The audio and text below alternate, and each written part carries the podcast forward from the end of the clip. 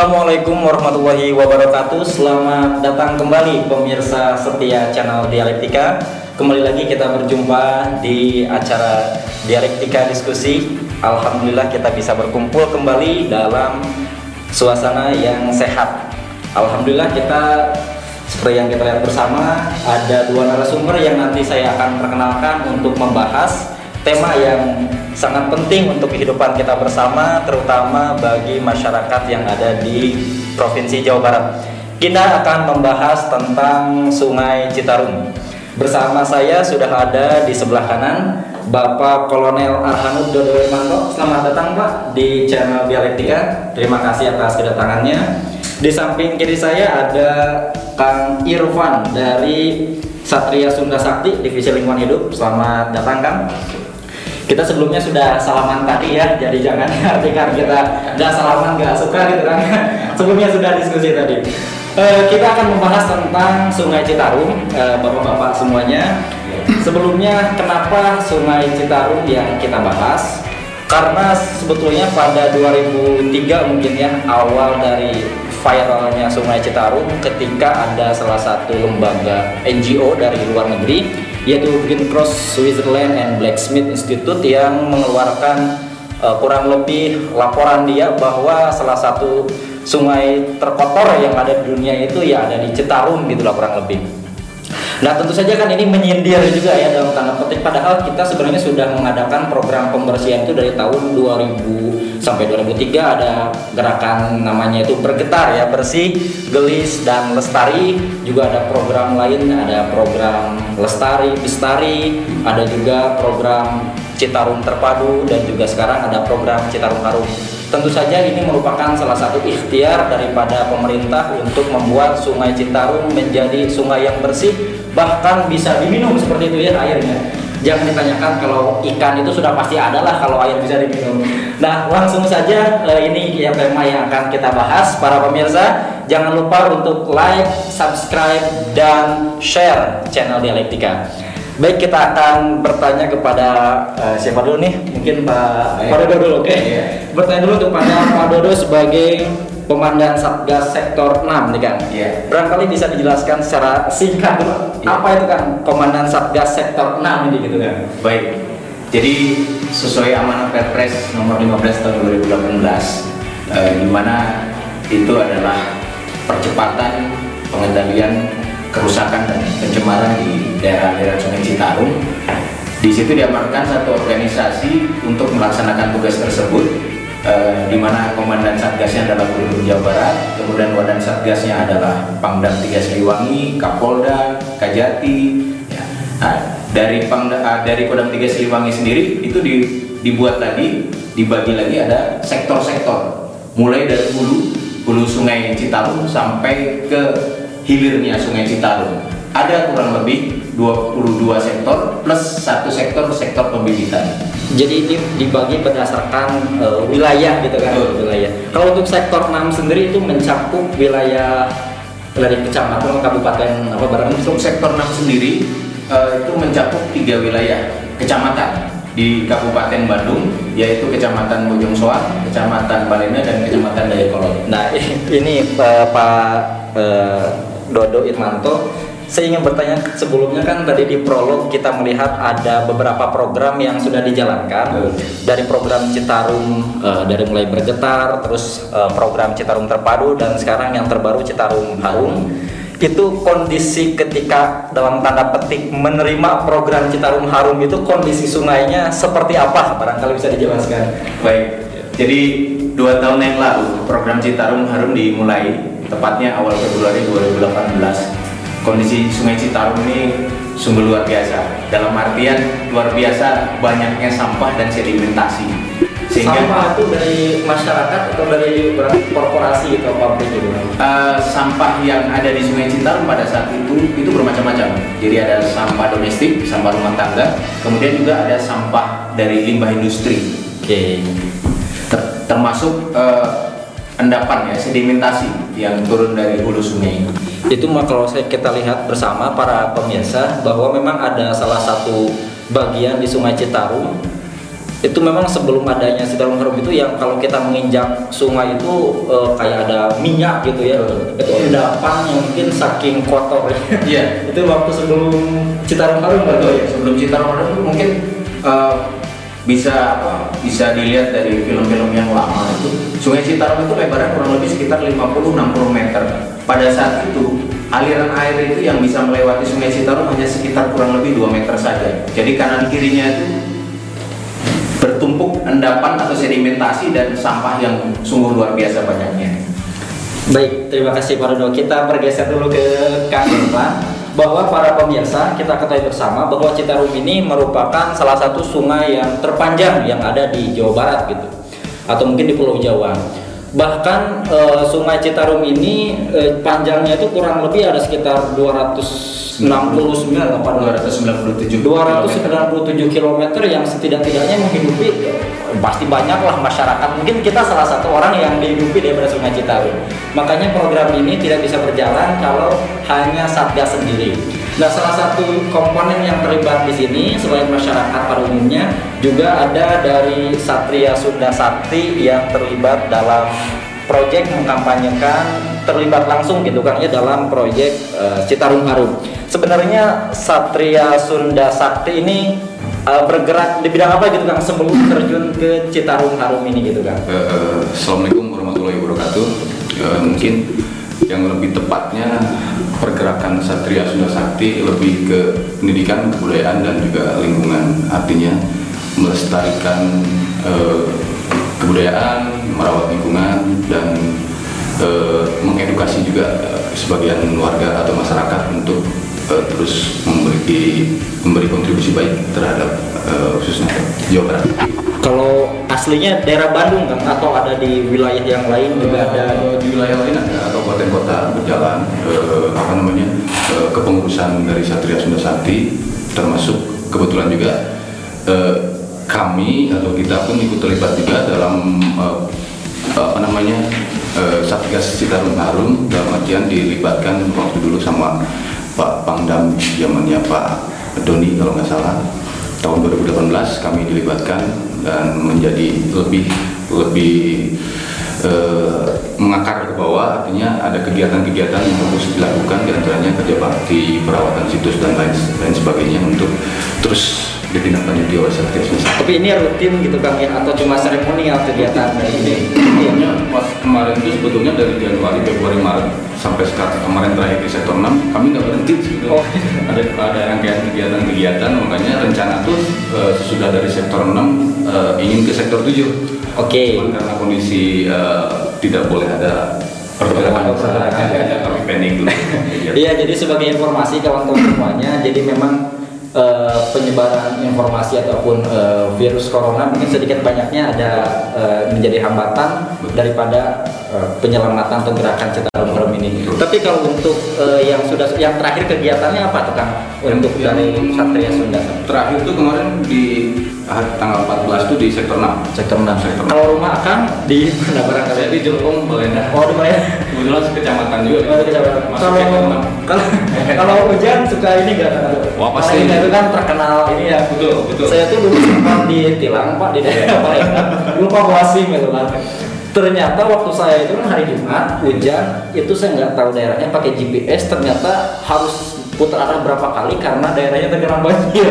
itu mungkin ada luapan dari Sungai Citarum itu barangkali ada bagaimana sih perasaan atau sikap yang eh, dari Satria Sunda atau Akang secara pribadi menanggapi bahwa Balenda ini langganan banjir sekali gitu. Apakah memang dari luapan Citarum yang kontribusinya besar atau ada dari faktor lain yang bisa eh, menyebabkan Balenda itu langganan banjir gitu? Intinya banyak faktor juga sih selain faktor lokasi emang Belanda itu emang agak cekungan cekungan terus faktor yang paling mendasar itu ya kesadaran masyarakat juga terkait tentang perawatan lingkungan membuang sampah dan segala macam yang akhirnya agak tersendat arus eh, Citarum sehingga yang mungkin airnya meluap tapi eh, kalau dilihat dari kondisi sekarang ada perubahan Jauh berbeda. jauh berbeda. Jauh berbeda. tahun dari tahun yang lalu artinya ketika ada luapan sungai atau luapan banjir cepat untuk surut eh, di, khususnya di Balenda sektor enam. dia cepat untuk. Kawan-kawan semuanya, jika kalian melihat foto Citarum memang kami dari tahun sebelum 2013 atau Iya. dari eh, 2008 ke sini memang sangat mungkin dalam tanda kutip disebut menakutkan sama sekarang itu memang sudah ada perubahannya sangat signifikan sekali namun ini belum berakhir dan jauh sekali dari kata kan ya karena targetnya Sungai Citarum itu bisa diminum. Nah tadi berkaitan dengan kesehatan ataupun eh, partisipasi masyarakat kesadaran ini kan eh, Pak Kolonel langsung tanya juga sebenarnya kita tahu pabrik itu kan banyak di YouTube itu yang disidak kan ya, yang disidak terus ada juga yang eh, dalam bukan bukan dialog ya kayak perlawanan dalam tanda Iya, petik iya. eh, bahwa nggak itu nggak melanggar gitu kan. Itu pabrik memang ada kontribusi dalam pencemaran melalui buangan limbahnya. Iya. Tapi ketika kita melihat dari sumber yang lain ternyata dari rumah tangga ataupun masyarakat per rumah itu ternyata berkontribusi besar juga terhadap apa yang menjadi Citarum itu kotor dan bau ataupun eh, tidak bersih itu terutama pampers. Ini mungkin ada ibu-ibu barangkali ataupun kita mungkin punya adik. Dan ternyata pampers itu kalau per hari saya baca itu di media sosial dan di, di berita bisa sampai 100 ton per hari. Jumlahnya sangat besar sekali. Terus sebenarnya sampah apa nih yang pabrikkah atau memang yang jadi kendala utama menyebabkan Citarum harum Pak Kolonel ataukah memang dari rumahan entah itu sampah bekas kita makan mie instan atau pampers dan sampah lainnya gitu Pak Jadi saya cerita dulu ya. The- untuk limbah pabrik ini ya. Limbah pabrik ini kan yang dikhawatirkan adalah limbah cair yang masuk ke aliran Sungai Citarum. Dan cair itu beracun Pak limbah cair beracun, pastinya beracun karena itu kan eh, hasil olahan produksi. Rata-rata kan di aliran Citarum yang daerah hulu adalah pabrik tekstil kan. Tekstil. Sehingga Pewarna itu. betul, itu pewarna itu membahayakan. Jangankan untuk apa manusia, hewan pun tidak bisa hidup. itu lihat di videonya ada kamu berani minum nggak ini itu memang saking menekankan harus bersih dan sehat Jadi yang sudah kita lakukan selama ini sesuai jadi kita payung hukumnya kan itu Perpres 15 itu. Jadi kita melaksanakan monitoring ke pabrik-pabrik, kemudian melaksanakan pemeriksaan. Apabila memang dia belum memiliki pengolahan limbah, maka kita akan memberikan waktu kepada dia untuk eh, menyiapkan atau menyediakan pengolahan limbah tersebut. Namun apabila pada tenggat waktu yang tidak kita apa sudah kita siapkan dia tidak melakukan itu, maka kita melakukan tindakan yang seperti bisa dilihat di video. dicor itu Dicor. Tapi itu sebenarnya pabrik itu proaktif nggak sih pak? Ngelihat ada ini gerakan ini kan sebenarnya ke, ke sosial pak ya. Mereka juga kan nikmatin lah pasti Iya. dengan adanya sungai itu. Proaktif nggak? Apakah memang banyak yang tawar menawar kayak di uh, video-video itu? Gitu? Untuk sektor 6 sendiri eh, pabrik yang ada di sektor 6 memang tidak terlalu banyak. Ya hanya sekitar 14 pabrik. Ini mereka rata-rata mereka kooperatif. Jadi Kooperatif, mau bekerja sama dengan satgas sudah mereka sudah apa semuanya sudah menyediakan pengolahan limbah dan juga di samping itu dia juga eh, aktif untuk memberikan apa ya partisipasi kepada program Citarum Harum seperti tanaman kemudian bibit ikan kemudian juga eh, cairan Oh, bibit ikan dikasih dari Iya. Ini Iya. pabrik gitu Betul. Itu untuk membuktikan bahwa memang sungai yang ini sudah dialiri air yang bersih gitu loh. bisa dipancing kan ya pak Iya. masyarakat ya Sudah berapa kali kita melaksanakan mancing mania di Citarum? Tapi sebenarnya dari pabrik itu Pak yang dikategorikan yang taruh kata lah mau kita sebut sungai itu bersih itu kayak apa sih sebenarnya gitu? Apakah e, bersih itu warnanya biru ataukah memang baunya hilang oh, warnanya nggak nggak tentu lah misalkan seperti itu memang kriteria dari bersihnya sungai itu kayak gimana gitu pak biar kita tahu juga Jadi kalau eh, kita berangkat dari limbah pabrik ya, limbah limbah pabrik ini ada standar baku mutu yang ditetapkan dan harus dipatuhi oleh pabrik-pabrik tersebut. Nah, standar baku mutu itu itemnya banyak, ada COD, BOD, kemudian pH-nya, suhunya dan lain sebagainya. Nah, kalau pabrik itu sudah dia eh, mematuhi aturan tersebut, otomatis air yang masuk ke Citarum itu dia akan air yang betul-betul bersih jadi bebas dari bau uh, warnanya juga sudah apa ya tidak berwarna bening gitu airnya kalau semua pabrik sudah targetnya bening pak. airnya pak Citarum itu. Seharusnya begitu. Bening. tetapi kan untuk bening itu banyak faktor bukan bukan hanya ini saja bukan hanya dari pabrik saja. Masih ada beberapa faktor yang memang terus terang belum belum tuntas sampai ini kan memasuki tahun ketiga ya Citarum Harum belum belum semuanya bisa uh, belum selesai 100% kita masih baru mungkin ada sekitar uh, 40-50 persen Oke, Oh, kalau untuk Kang Irfan nih Kang sebagai masyarakat ini kita bergeser kepada Kang Irfan. Sebenarnya Kang dari masyarakat sendiri tanggapannya melalui program Citarum Harum ini dia bisa mendukung nggak sih? Dalam artian kalau punya sampah itu udah tahu lah kita harus pilah dulu mana sampah yang memang bisa dibakar atau mungkin harus dibakar ya atau mungkin bisa ditarik atau mungkin bisa dijual barangkali ya sampahnya sehingga tidak bertumpuk kepada sungai gitu. Kan kalau satu rumah dikalikan ada 10 juta rumah numpuk-numpuk kayak mungkin bisa lebih dari pabrik gitu. So, gimana yang akan temukan dalam gerakan akan eh, kontribusi di Sungai Citarum. Warganya masyarakatnya tuh kayak gimana kan Kalau yang saya ketahui eh, lebih tepatnya masyarakat itu kurang kesadaran lah intinya. oke. Kurang kesadaran dalam dalam pengolahan. Karena yang dibutuhkan sebetulnya eh, sampah pengolahan tuh kayak gimana maksudnya kan memilah, memilah artinya dipilah dulu mana yang sampah yang memang bisa diolah, mana sampah yang memang eh, bisa menjadi nanti diolah menjadi pupuk atau menjadi kesenian. tapi agak ribet itu. saya tuh di rumah saya. Betulnya ribet. Makanya kalau saya sendiri eh, artinya dari divisi lingkungan hidup Satria Sakti sebetulnya ada satu teknik yang artinya dari bidang kesenian. Makanya saya berkreasi membuatkan lagu. Karena kan kesenian tuh salah satu salah satu media pendidikan untuk menyadarkan masyarakat. Eh, lagu yang saya kembangkan atau yang saya ciptakan atau dengan teman-teman yaitu lagu tentang eh, kesadaran masyarakat untuk eh, tetap peduli terhadap lingkungan. oh bisa rapnya barangkali Enggak ya, siap artinya ada olah, olah, olah buntana Amerika beli baju calan Pelemparan. itu memang ini eh, para pemirsa dialektika ketika kita masak entah itu sayur ataupun instan memang ada sampah plastik dan ada sampah organik dari sayuran. Memang kalau kita sengaja pisahkan memang agak sedikit ribet gitu kan ya. Tapi mungkin ini lebih enak daripada kita terkena banjir ataupun yang mengolah sampah yang membersihkan Citarum kerjanya dua kali barangkali seperti itu. Jadi memang harus ada dari kita sendiri kan ya. Ini misalnya kan kita kan eh, ada temuan nih bahwa sampah itu kita bergeser ke Pak Kolonel itu kan banyak sekali tuh sampai 200 ton gitu kan campuran sampah di Ya. Sungai Citarum itu. Itu sampahnya itu kalau dibersihkan tuh kemanakan gitu Pak. Ada ada juga yang ada bank sampah gitu kan ya, ada yang dijual masyarakat bisa dapat perekonomian bisa meningkat. Tapi sisanya itu ke mana gitu sampai yang 200 ton gitu Pak Iya. untuk bersih Citarum.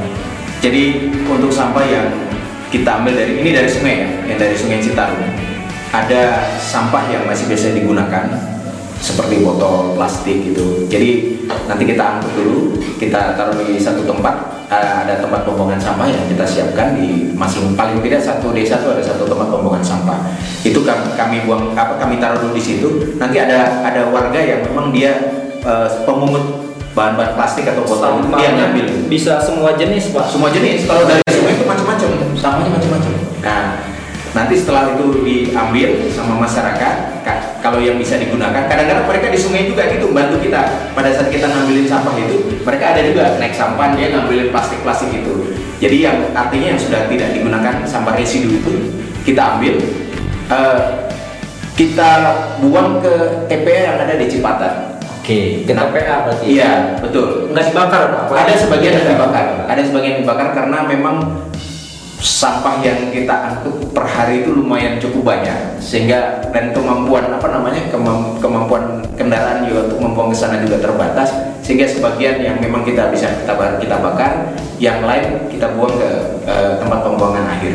Iya, jadi memang untuk informasi pemirsa dialektika dengan banyaknya jumlah sampah ini memang kita sendiri sebagai salah satu masyarakat yang ada di Kota Bandung khususnya memang harus eh, lebih interaktif gitu ya untuk memilah mana sampah yang memang yuk kita bisa olah sendiri ataukah memang sampah ini bisa kita kubur gitu barangkali sa- Begitu. iya barangkali sampahnya sejenis sampah organik ini bisa kita kubur eh, untuk tidak memberatkan dalam tanda petik dan kita juga berkontribusi terhadap kampanye Go Green ataupun kampanye membersihkan Sungai Citarum. Nah ini kembali kepada Kang Irfan.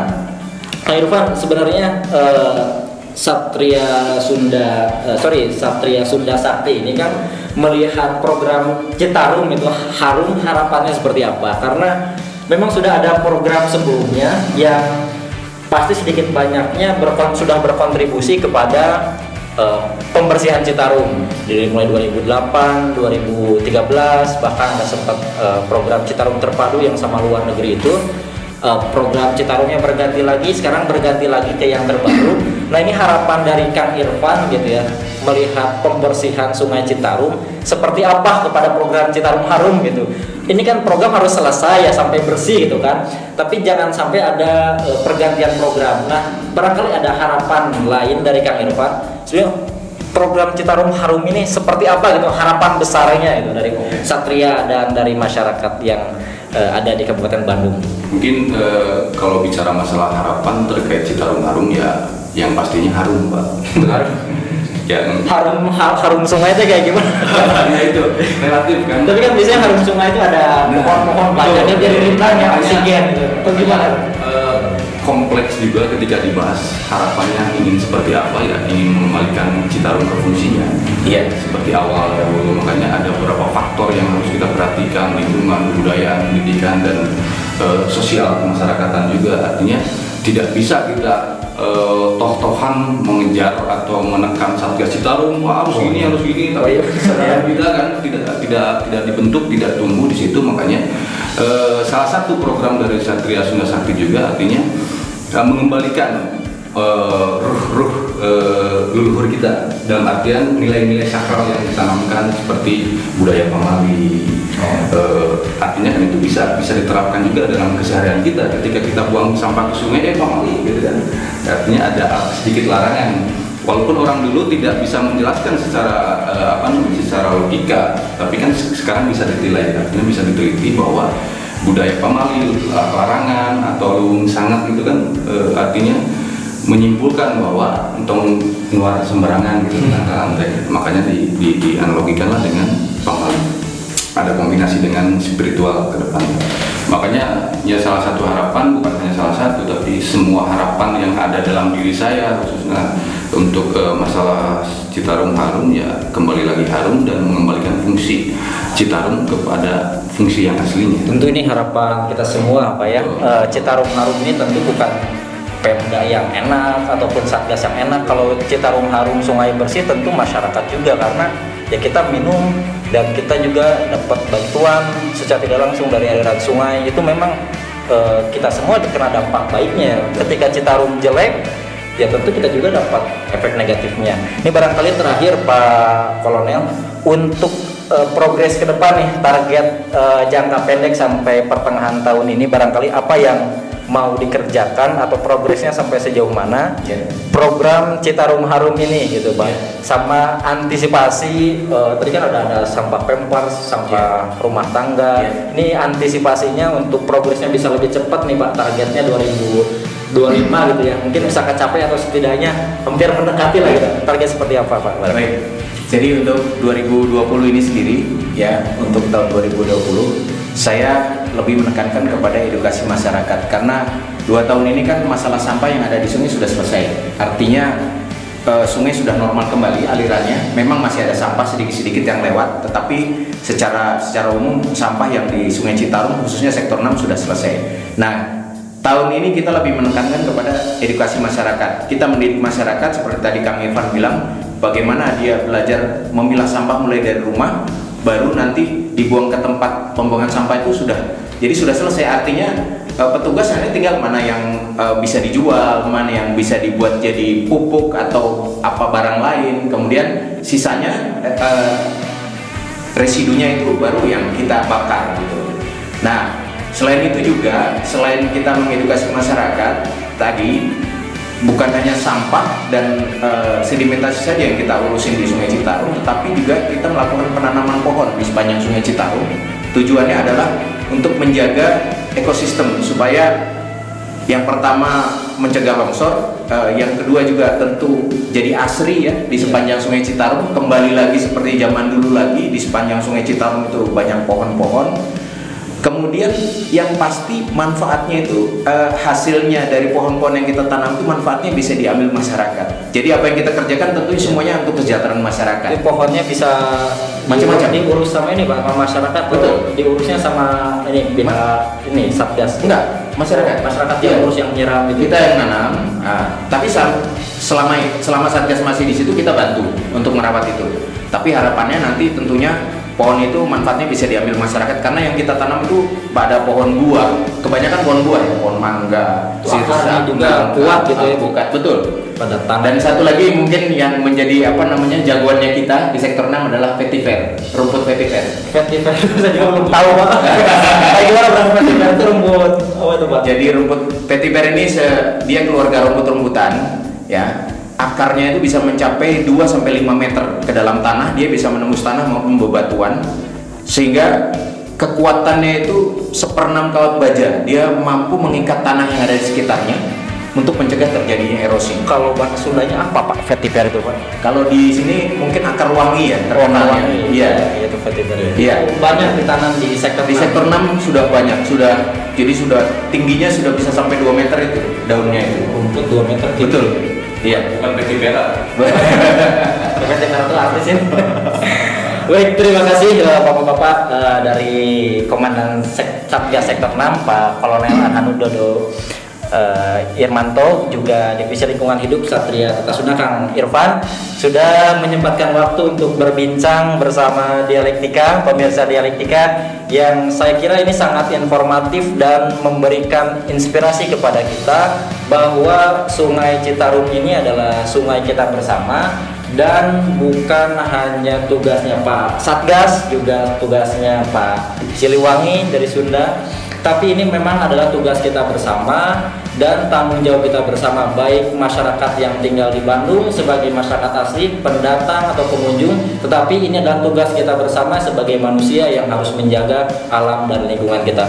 So tetap jaga lingkungan kita usahakan untuk bersihkan sampah sendiri pilah sendiri dan jangan lupa untuk terus mendukung kampanye penghijauan dan lingkungan yang sehat. Terima kasih Bapak-bapak sudah hadir. Terima kasih Kang Irfan, terima kasih Pak Kolonel untuk kawan-kawan semuanya sebagai bahan masukan, dukungan dan support untuk channel Dialektika. Jangan lupa berikan masukan melalui kolom komentar di bawah ini ataupun melalui email dan pesan pribadi melalui subscribe. Terima kasih kepada pemirsa channel Dialektika nantikan kami di channel berikutnya. So keep stay tuned and get inspiration. Terima kasih. Audio.